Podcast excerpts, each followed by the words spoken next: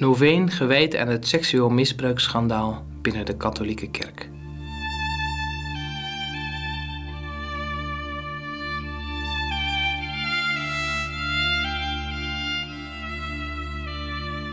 Het gebedsnetwerk van de paus heeft een noveen gemaakt over het misbruiksschandaal. Een noveen is een gebed dat negen dagen duurt rond een belangrijk onderwerp. Op 20 augustus 2018 schreef Paus Franciscus een brief aan het volk van God. In deze brief ging hij in op het onvoorstelbare misbruiksschandaal rond de voormalige kardinaal Theodore McCarrick en de verscheidene bisdommen in de Amerikaanse staat Pennsylvania. Paus Franciscus vraagt het hele volk van God om in solidariteit aan de kant van de slachtoffers te gaan staan. Hij stelt bovendien dat wij door God zijn geroepen als zijn volk. Daarom kan het gewonde lichaam van de kerk alleen veranderen wanneer iedere lichaamcel deel uitmaakt van dit genezingsproces.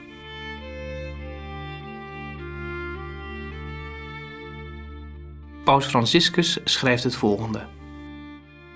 Alle gedoopten moeten zich betrokken voelen bij de kerkelijke en sociale verandering die we zo hard nodig hebben.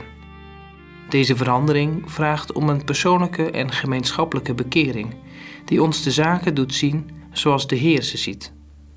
Om de realiteit te zien zoals de Heer doet, om te zijn waar de Heer wil dat we zijn, om een bekering van hart in Zijn aanwezigheid te ervaren. Om dit te doen zullen gebed en boetedoening helpen.